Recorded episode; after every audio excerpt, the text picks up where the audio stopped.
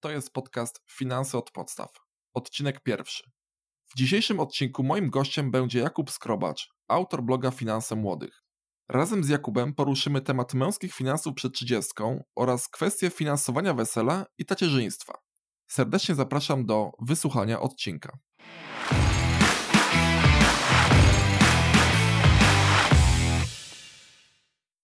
Cześć Jakub. Cześć. Witam Cię bardzo serdecznie w moim podcaście. Na początek proszę Cię, żebyś powiedział kilka słów o sobie, ponieważ naszych słuchaczy na pewno interesuje, kim jesteś. E, cześć, mam na imię Jakub, Jakub Skrobacz. E, jestem blogerem. E, w czasie nieblogowalnym jestem ojcem, mężem, pracownikiem etatowym. Lubię, jak się mówi do mnie Kuba, więc jak będziemy mogli, to wolałbym, żebyśmy przeszli na, na, na Kuba niż Jakub, tak z przyjaciółmi. E, no i tak jak już wspomniałem, po godzinach prowadzę taki niewielki blog o finansach osobistych, na którym umieszczam swoje spojrzenie na świat, jeśli chodzi o tematykę związaną z oszczędzaniem, z finansami osobistymi i od prawie ponad 11 miesięcy z tematami związanymi z tacierzyństwem i pieniędzmi. Słowem kluczem naszej dzisiejszej rozmowy jest odpowiedzialność. Dla faceta poziom wymaganej od niego odpowiedzialności gwałtownie rośnie po ślubie i narodzinach dziecka. Jak te wydarzenia wpłynęły na ciebie i jak zmieniła się twoja odpowiedzialność w kontekście finansowym? No tutaj muszę powiedzieć, że jestem takim przykładem e, osoby, która dość wcześnie zaczęła e, budować tą swoją odpowiedzialność finansową, bo jeszcze na etapie, e, jak zaczynaliśmy się z moją wtedy przyszłą żoną spotykać, to ja już zaczynałem prowadzić swój budżet domowy, więc to były takie moje pierwsze kroki związane z, z, zarządzaniem swoimi finansami, czego wcześniej nigdy nie robiłem, więc zarządzanie budżetem domowym, powiedzmy, singla, tam osoby, osoby w związku jest zdecydowanie łatwiejsze niż takie wejście z grubej rury już w, w związek, jeszcze w którym pojawia się dziecko. Więc ja miałem ten taki, jak to się mówi, rozbieg dość długi, bo później, jak już zaczęliśmy się e, planować już ślub, wesele, e, doszło już do, do, do ślubu, stwierdziliśmy z żoną, że nasze finanse są też wspólne, więc ja po prostu do prowadzonego przez siebie budżetu domowego na przestrzeni tam kilkunastu wcześniejszych miesięcy dopisałem zarobki swojej żony. E, no i zaczęliśmy prowadzić już wtedy nasz wspólny budżet domowy. Więc e, poszło to nam w miarę gładko, muszę przyznać. E, a jak już wiedzieliśmy, że jesteśmy na tym etapie, że chcielibyśmy mieć, mieć, mieć dziecko, mieć w tym wypadku naszego synka, to e, w naszym budżecie po prostu pojawił się, pojawiła się odpowiednia rubryka, w, w której zaczęliśmy przeznaczać odpowiednie kwoty tam każdego miesiąca e, jako, jako przyszłość oszczędności. Więc tutaj taka odpowiedzialność finansowa, no to ona była u mnie budowana już dużo, dużo, dużo wcześniej.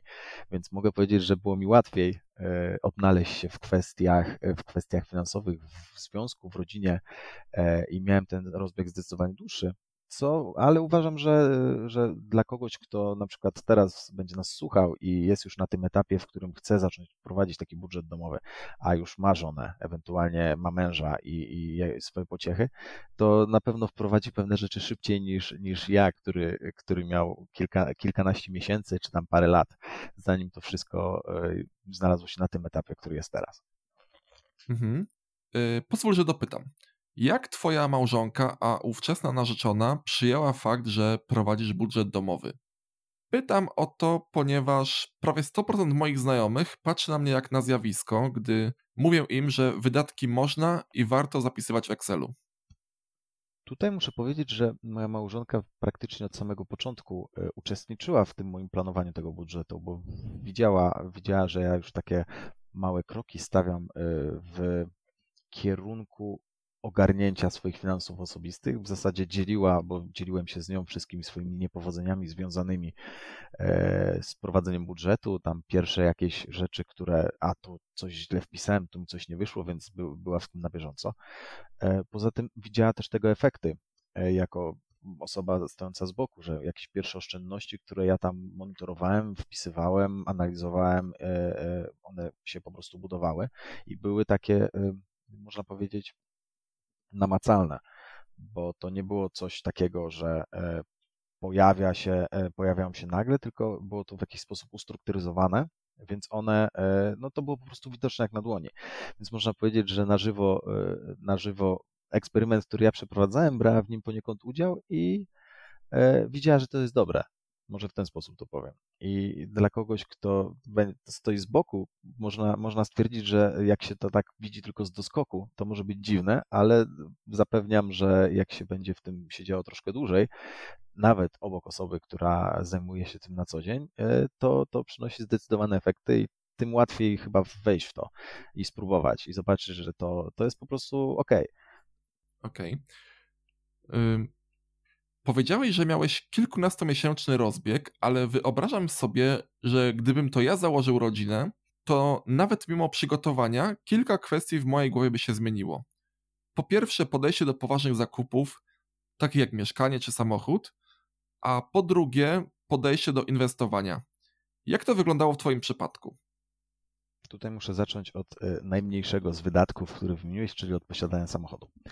E, sam jeszcze będąc singlem posiadałem auto, w późniejszym etapie je sprzedałem i tak naprawdę do momentu, do którego nie zaczęliśmy e, planować, czy nie dowiedzieliśmy się, że e, moja żona jest w ciąży, to w ogóle nie planowaliśmy mieć samochodu. Znaczy, oboje mamy prawo jazdy, oboje jest, prowadzimy i myślę, że całkiem nieźle. Żadne z nas przez te kilkanaście lat nie miało żadnej stłuczki, e, ale mieszkamy na, na tyle fajnym osiedlu, na tyle fajnie skomunikowanym z resztą miasta, że posiadanie samochodu było dla nas o tyle kłopotliwe, że trzeba znaleźć miejsce parkingowe. Poza tym większość osób, które posiada samochody, wie o tym, że to, to jest taka troszkę e, skarbonka bez dna. E, dochodzą właśnie takie kwestie jak utrzymanie, tu paliwo, eksploatacja, samochód po prostu czasami się zepsuje i trzeba oddać do mechanika, to są normalne rzeczy. I my postanowiliśmy, że po prostu ten samochód jest nam zbędny. Na tym etapie, w którym byliśmy jeszcze przed pojawieniem się e, naszego syna na świecie. Dopiero później, jak już wiedzieliśmy, że e, za 9 miesięcy będzie nas o jednego członka rodziny więcej, no to wtedy podjęliśmy decyzję, że jednak to auto no, będzie po prostu przydatne. Owszem, można myśleć, że da się, można myśleć. Myślę, że w jakiś sposób można ogarnąć wiele rzeczy taksówkami. Bo są ludzie, którzy, czy, czy rodzina, czy znajomi, którzy na pewno z chęcią pomogą, ale samochód daje moż, taką możliwość takiej niezależności. Po prostu wsiadamy, jedziemy, zwłaszcza z dzieckiem małym, e, no, które no, niestety potrzebuje specjalnej opieki. Jest po prostu łatwiej posiadać taki samochód. Więc to była taka pierwsza bariera, którą gdzieś tam przekroczyliśmy wspólnie z żoną. E, druga sprawa, jeśli chodzi o mieszkanie. E, posiadanie własnego mieszkania, patrząc teraz nawet na e, ogłoszenia, które znajdują się w sieci, jest to olbrzymi wydatek, który na, pewno podejmując się go i biorąc pod uwagę kupno mieszkania, trzeba się liczyć e, w większości przypadków, czy to z kredytem hipotecznym, czy z wieloma latami oszczędzania, żeby kupić takie mieszkanie za gotówkę i z wieloma wyrzeczeniami, wyrzeczeniami jednocześnie. I myśmy postanowili, że możemy wynajmować albo możemy kupić mieszkanie i stwierdziliśmy, że jednak zakup mieszkania w naszym przypadku będzie lepszy, bo y, no, wiadomo, taka bariera, że jednak coś ma się swojego, jest e, przynajmniej dla mnie kojąca. Poza tym, no, to mieszkanie, y, jak już będzie nasze, to zostanie dla, dla naszego syna, ewentualnie drugiego dziecka, jeśli postanowimy takie, takowe posiadać. Więc jest to w jakiś sposób lokata kapitału, który, który kiedyś może się przydać. Jeśli nie nam, no to, to po prostu naszym dzieciom. A co do inwestowania? to inwestowaniem, może to śmiesznie zabrzmieć, zabrzmieć, ale dopiero od niedawna się tak naprawdę interesuje, e, ponieważ e, przez wcześniejsze lata wszystkie nadwyżki finansowe, które generowaliśmy w naszym związku, w, naszy, w naszym gospodarstwie domowym, były kierowane na jakieś konkretne fundusze celowe. Czy to było właśnie związane z wkładem własnym na mieszkanie, czy z oszczędnościami na, na wyprawkę dla dziecka, czy to oszczędnościami związanymi z zakupem samochodu.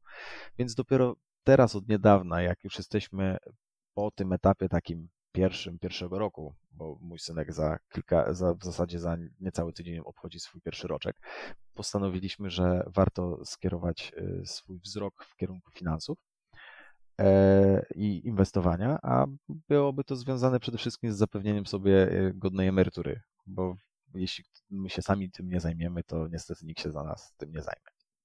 Okej. Okay. Ciekawie nam się rozwinął wątek inwestycji i nasunęło mi się kolejne pytanie.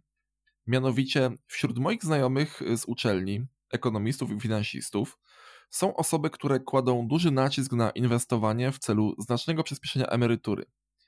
Emerytura po 40 brzmi kusząco, ale mówiąc kolokwialnie, czy warto się zajeżdżać na początku dorosłej drogi i odmawiać sobie najważniejszych zakupów, mieszkania, samochodu i innych wydatków, które, no powiedzmy sobie szczerze, znacznie ułatwiają życie zaraz po założeniu rodziny?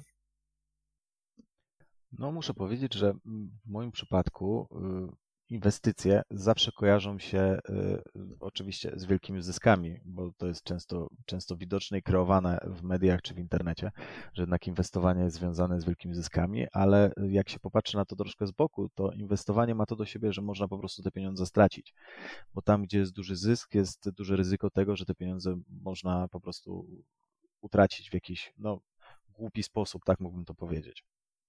Ja uważam, że e, warto inwestować, ale tylko nadwyżki finansowe, które generujemy i tylko wtedy, kiedy mamy zabezpieczone y, te nasze podstawowe potrzeby.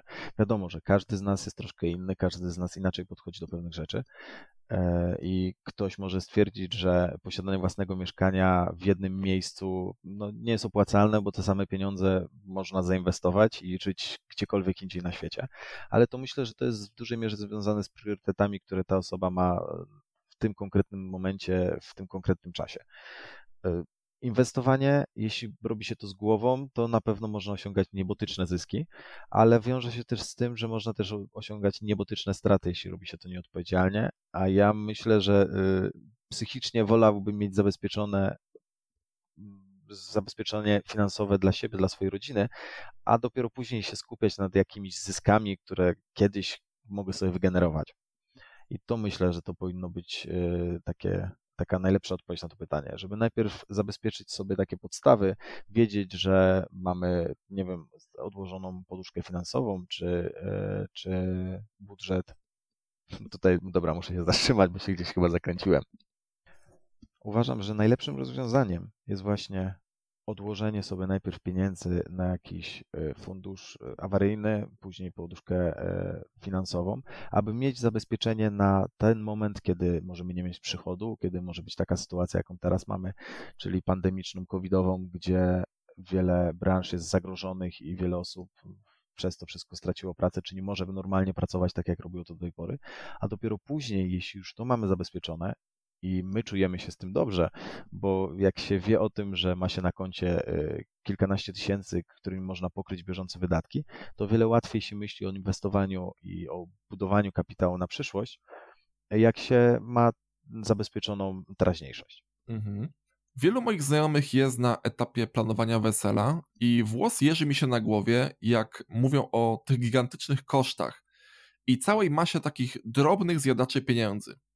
Jak ty to widzisz i czy masz jakieś rady dla par, które zaczynają planować wesele? Cała przygoda, cała przygoda e, moja z blogowaniem zaczęła się od właśnie takiego poradnika skupionego e, wokół organizacji ślubu i wesela. I tutaj pragnę wspomnieć, że zapraszam na swojego bloga, jeśli mogę, oczywiście. E, ale wracając, wracając, wracając do pytania. E, myślę, że przede wszystkim powinniśmy zacząć od tego, aby porozmawiać ze swoim partnerem bądź partnerką na temat tego, jak miałaby taka impreza wyglądać, jakby miał wyglądać ślub wesele, ponieważ nie, no, panowie też mniej więcej wiedzą, jakby chcieli, żeby to wszystko wyglądało. E, przedyskutować tą sprawę, e, bo to, to jest dość spory wydatek i niewiele osób sobie zdaje z tego sprawę, e, jak to, jak to będzie wyglądał ich najbliższy czas przy organizowaniu tego typu przedsięwzięcia. Kolejną kwestią, którą bym przedyskutował e, ze swoim partnerem bądź partnerką, byłaby kwestia tego, kto sfinansuje e, ślub i wesele. Czy to my będziemy my sami, czy to będą nasi rodzice, czy to będziemy my z nimi wspólnie, czy to będzie kredyt z banku, czy to są jakieś oszczędności budowane przez lata przez naszą babcię. To jest taka kwestia, którą warto poruszyć jeszcze na samym początku, dlatego że w późniejszym etapie i przy późniejszych wydatkach może być to bardzo trudne do ogarnięcia. E, Kolejną rzeczą, no my prywatnie wraz z małżonką y, zajęliśmy y, się najważniejszymi według nas rzeczami, czyli takimi czterema punktami, czyli salą, y, z zorganizowaniem mszy w kościele, bo braliśmy ślub konkordatowy, znalezieniem fotografa i operatora kamery E, a także zapomniałem o czwartej rzeczy. Poczekaj, muszę spojrzeć do notatek, bo ja tu mam gdzieś te notatki. Poczekaj, gdzie ja to mam? A, muzyk, zapomniałem o muzyce. Prywatnie z żoną zajęliśmy się na samym początku czterema, według nas, najważniejszymi rzeczami, czyli zorganizowaniem sali, na której miałoby się odbyć zabawa weselna, e, zorganizowaniem całej oprawy w kościele, ponieważ braliśmy ślub konkordatowy, który odbywał się u kościele u żony, e, fotografem i kamerzystą, a także zorganizowaniem orkiestry weselnej, bo to są takie cztery rzeczy, które warto zorganizować na samym początku, bo osoby zajmujące się nimi mają zazwyczaj e, grafiki wypełnione do dwóch, a nawet teraz gdzieś słyszałem, że do trzech lat w przód. E, więc e, jeśli nie zajmiemy się na samym początku organizacji zabawy weselnej tymi osobami, to w późniejszym terminie może być nam bardzo ciężko znaleźć kogoś, kto nam będzie odpowiadał. Poza tym, jeśli już zorganizujemy te cztery, powiedzmy, punkty, to dostaniemy tak całkiem nieźle wyglądający kosztorys, ponieważ e, za każdą z tych rzeczy będziemy musieli osobno zapłacić. Najdroższa z tego będzie sala i jestem o tym przekonany. I będziemy mieli taki wstępny obraz tego, jakie koszty będziemy musieli ponieść. A to już na tym etapie są takie koszty, które w niektórych przypadkach mogą osiągać wartość średniego, średniej klasy samochodu. Więc to może działać całkiem nieźle na wyobraźnię. Ok. Chciałbym na chwilę wrócić do tych drobnych zjadaczy pieniędzy. Na przykład tortu, zaproszeń, prezentu dla świadka. Pojedynczo y, są to drobne wydatki, ale jest ich dość sporo. I suma często wcale taka mała nie jest. Tak jak zauważyłeś, to są właśnie te takie drobne zjadacze. I o nich na samym początku organizacji tak naprawdę nie myślimy, bo w większości przypadków tym wszystkim będziemy się zajmować na kilka miesięcy przed samą ceremonią. I dopiero wtedy e, one zaczną jako koszty pojawiać się w naszym budżecie, jeśli będziemy takowe prowadzić. E, myślę, że najważniejsze to jest po prostu rozmowa ze swoim partnerem, przedyskutowanie tego, jak widzimy e, właśnie na przykład zaproszenia, jak widzimy tort, czy może jest opcja, żeby taki tort pojawił się w cenie sali, bo i takie są sytuacje, że można e, cenę za tort, którą musi, kwotę za tort, którą mielibyśmy do zapłacenia, przerzucić na koszt sali tak jakby miał być ona, y, ten tort w cenie.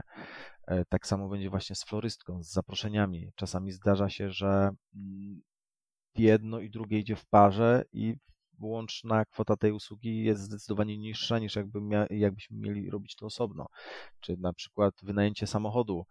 Można pójść po prostu do sąsiada, który ma fajną furę, zapytać się, czy za przysłowiową weselną flaszkę nie przewiezie nas i on będzie zadowolony i my będziemy zadowoleni. A można też pokusić się o wynajęcie prawdziwej limuzyny za kilkanaście tysięcy złotych i przejechanie się nią na przykład przez godzinę czasu tylko. Więc e, to są wszystko takie wydatki, które e, których na początku nie widzimy, a one pojawiają się z czasem, ale warto sobie przedyskutować je jeszcze zanim one tak naprawdę będą na horyzoncie i ustalić jakieś pewne kwoty, które jesteśmy w stanie, y, w stanie przeznaczyć na organiza- zorganizowanie całej tej zabawy. Okej. Okay. Wesele mamy już za sobą, pojawia się dziecko i zostajesz tatą. Co z tej perspektywy finansowej jest najważniejsze w tacierzyństwie? To, co mogę powiedzieć na pewno, to słuchając y, wszystkich y, ojców, bo pracuję w firmie, która składa się w dużej y, y, części z mężczyzn, to każde dziecko jest inne i to myślę, że warto sobie zapamiętać. I nawet pomimo tego, że każdy z tych y, ojców ma kilkuletnie doświadczenie w większości przypadków, bardzo rzadko przekłada się to na, na tego mojego berbecia, który właśnie śpi za ścianą, jak nagrywamy tą, ten podcast. Mm, tutaj myślę, że jeśli chodzi o kwestie finansowe, to tak jak już wspomniałem, że warto sobie e, zaplanować jeszcze w momencie starania się o dziecko, bo to wcale tak szybko nie następuje, jak czasami pokazują to w filmach, już wtedy zaplanować jakieś konkretne kwoty, które będziemy przeznaczać na, na, nawet na wyprawkę, czy nawet na późniejszy etap, już w, w ten, w którym to dziecko jest z nami. Ponieważ e, te pierwsze kilka miesięcy e, będzie obfitowało w naprawdę nieprzewidziane wydatki, na które czytając czy to fora, czy rozmawiając z innymi rodzicami, czy z naszymi własnymi rodzicami, nie jesteśmy w stanie ich przewidzieć. Przez co y, taki zapas finansowy, który gdzieś tam po prostu sobie trzymamy, może być dla nas naprawdę zbawienny, bo okazuje, potrafią pojawić się takie sytuacje, w których bez, te, bez tego dodatkowego zastrzyku gotówki może być naprawdę ciężko. A mówię, to są często takie wydatki, których nie jesteśmy w żaden sposób y, przewidzieć. Może się okazać, że y, zakupiliśmy takie albo takie pieluszki, a nasze dziecko może być na nie po prostu uczulone. Y, czy tak samo jest z chusteczkami nawilżanymi, czy nawet z, jakimś, z jakimiś zupkami, czy dodatkowymi suplementami. To wszystko są rzeczy, które my jako rodzice chcemy się do nich przygotować, przygotowujemy się najczęściej do nich, ale może się okazać, że nasze przygotowania były w ogóle bezcelowe, bo nasze dziecko nie będzie chciało na przykład zjeść tego mleka, nie będzie chciało zjeść tej kaszki, albo e, w ogóle nie będzie zakładać czapki, bo za każdym razem jak my ją zakładamy, to będzie tylko płacz i, i, i zgrzytanie jeszcze nie zębów, tylko dziąsem. Więc to są wszystko takie rzeczy, y, do których można rozmawiać, nawet warto rozmawiać, dopytywać się, bo to taka człowiek czuje się spokojniejszy, jak się dowiaduje o rzeczach, które mogą go w przyszłości tam czekać, ale na pewno trzeba mieć gdzieś z tyłu głowy i pamiętać o tym, że nie możemy być gotowi na wszystko, ale możemy się przygotować na tyle, na ile tylko potrafimy, nawet jeśli chodzi o zaplecze finansowe, które pozwoli nam na, na sfinalizowanie pewnych rzeczy, o których w tym momencie nawet nie myślimy, bo nawet nie wiemy, że takie są. Yy, czyli mówiąc w skrócie, posiadanie dziecka to nie jest taka łatwa sprawa. Ale wróćmy do finansów i przerażających danych, które mówią o tym, że 4 na 10 Polaków nie posiada żadnych oszczędności. Wśród nich z pewnością jest wielu ojców, stąd też moje pytanie. Czy założenie rodziny mocniej zmobilizowało cię do oszczędzania? Myślę, że jeśli chodzi o budowę tak właśnie takiego zabezpieczenia dla siebie, y, to uważam, że zawsze mogło być lepiej w ten sposób powiem, dlatego że są pewne wydatki, które pojawiają się po prostu z czasem. Dlatego warto swoje oszczędności y, co jakiś czas sprawdzać, czy to nasze wydatki aktualne, czy nawet przyszłe, które planujemy gdzieś tam posiadać, y, będą mieściły się w, na przykład w naszej poduszce finansowej czy funduszu bezpieczeństwa, który mamy tam zbudowany. Y, no ja miałem, tak jak już wspomnieliśmy na początku całego podcastu, taką możliwość, że miałem ten o wiele dłuższy rozbieg, więc pewne rzeczy mogłem się ich nauczyć, do pewnych rzeczy przyzwyczaić, na pewne rzeczy za, y, zacząć zwracać uwagę. E, później weszła w to wszystko moja żona, więc było nam zdecydowanie łatwiej. Ale uważam, że e, na, mając rodzinę, e, to może nie to, że to obowiązek, ale na pewno warto zainteresować się tym, nie tylko prowadzeniem budżetu, ale analizą swoich wydatków. E, jestem przekonany, że wiele osób nie zdaje sobie sprawy, na co wydaje swoje pieniądze, a jeśli myśli, że wie, na co wydaje swoje pieniądze, ani prowadzi jakiegoś budżetu, czy nie notuje sobie nawet tych wydatków, to będzie się mogła nieźle zdziwić, przeglądając je później. A część rzeczy, e, których na przykład marzymy, czy chcielibyśmy posiadać, może nas finalizować właśnie z tych pieniędzy, które w taki sposób są rozmydlone, rozwodnione w naszych wydatkach i samo ich uszczelnienie pozwoli naprawdę e, zbudować e, całkiem niezłe cele e, swoje finansowe i zrealizować jakieś tam marzenia.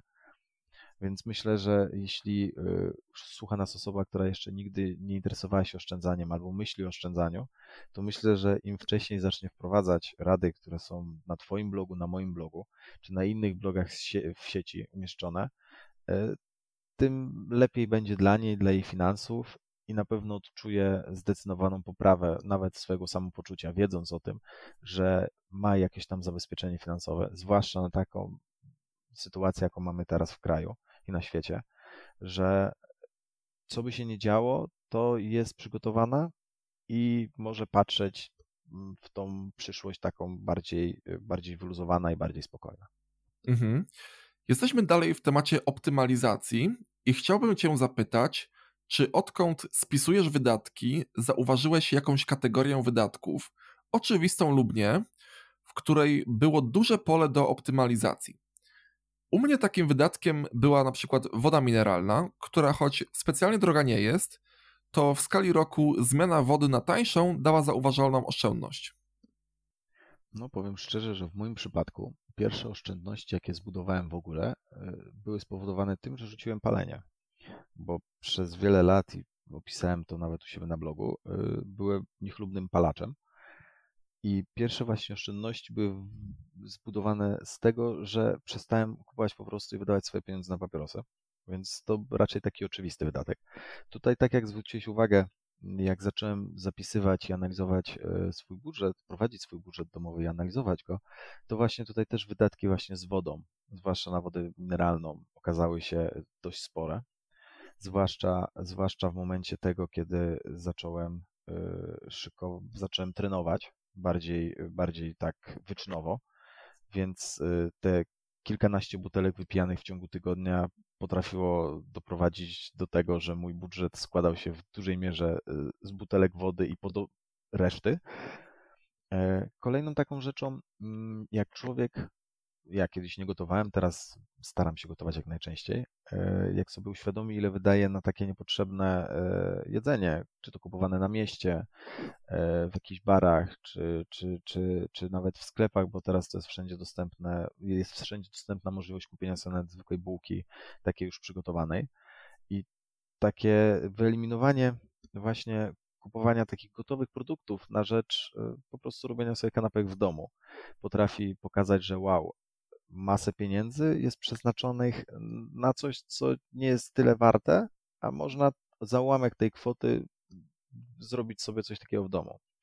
Kolejną rzeczą, na którą warto zwrócić uwagę, to są właśnie wszelkiego rodzaju usługi subskrypcyjne, którymi teraz jesteśmy raczeni praktycznie z każdego e, punktu e, na świecie, od telewizji przez telefony komórkowe po, po internet. I to są, to są często takie niewielkie kwoty, ale sumujące się do naprawdę dużych wartości. I warto sobie przemyśleć, czy rzeczywiście kolejna subskrypcja E, nie wiem, jakiejś telewizji VOD jest nam potrzebna, jeśli planujemy tam spędzić co najwyżej tydzień czasu oglądając jeden serial, który za chwilkę się kończy. Bo często to są takie pieniądze, o których nie pamiętamy, bo one są potrącane z naszego konta automatycznie. Ale jakbyśmy chcieli to sumować już, to się okazuje, że to są naprawdę duże, duże kwoty potrafiące uszczelnić, ewentualnie pozwolić sobie w, po kilkunastu miesiącach na, na jakiś fajny wyjazd. Mhm. Myślę, że papierosy, kanapki na mieście i subskrypcje to jest temat na osobny podcast, ale już zmierzając do końca, chciałbym prosić Cię o takie złote, podsumowujące rady dla mnie i dla sporej grupy moich słuchaczy, czyli facetów przed trzydziestką. Powiem szczerze, to jest świetne pytanie i nie wiem, czy jestem w stanie na nie dobrze odpowiedzieć. E, nasze blogi skupiają się właśnie w określonej tematyce i tak jak już wspomniałeś paręnaście minut wcześniej, tylko 4 na 10 Polaków oszczędza. Więc zakładam, że jeśli ktoś już do nas przychodzi, to przychodzi po jakąś konkretną wiedzę, dowiedzieć się czegoś, jak coś zrobić, jak coś wprowadzić. I jeśli już są takie osoby, które czytają nasze blogi, e, słuchają nas w tym momencie, to na pewno taką dobrą radą byłoby to, aby nie czekać z wdrożeniem tego wszystkiego, tylko po prostu zacząć to robić.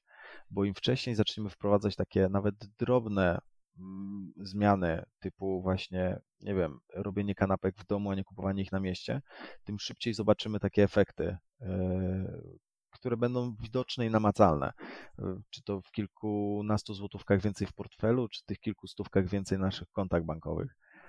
E, więc jeśli miałbym tak dać jedną taką radę, to właśnie dałbym to, powiedziałbym właśnie to, żeby nie czekać z wprowadzeniem tego wszystkiego i próbować, nawet pomimo tego, że będą jakieś potknięcia w tym wszystkim, czy będziemy czuć się nieswojo w towarzystwie.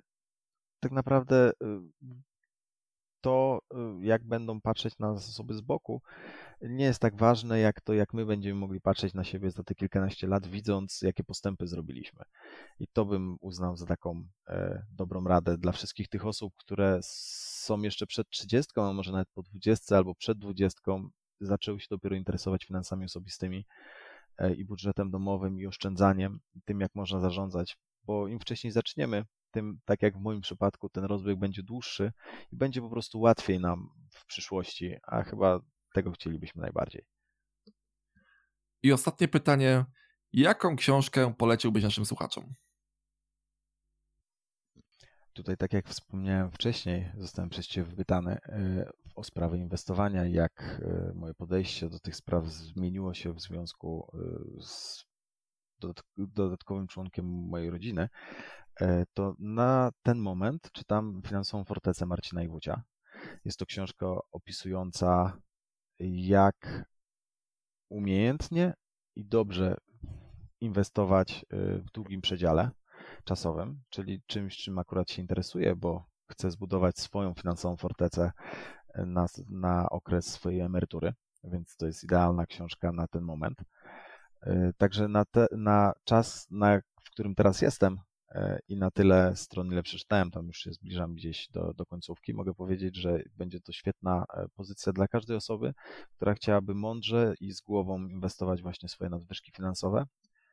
I nie chciałaby po prostu w jakiś głupi sposób stracić tych pieniędzy, bo w książce jest naprawdę wiele merytorycznych treści, podanych w naprawdę przyjemny sposób, więc jeśli ktoś nie, nie interesuje się giełdą, e, nie interesuje się nieruchomościami, czy nawet obligacjami, znajdzie tam informacje podane w taki sposób, że na pewno nie zaśnie.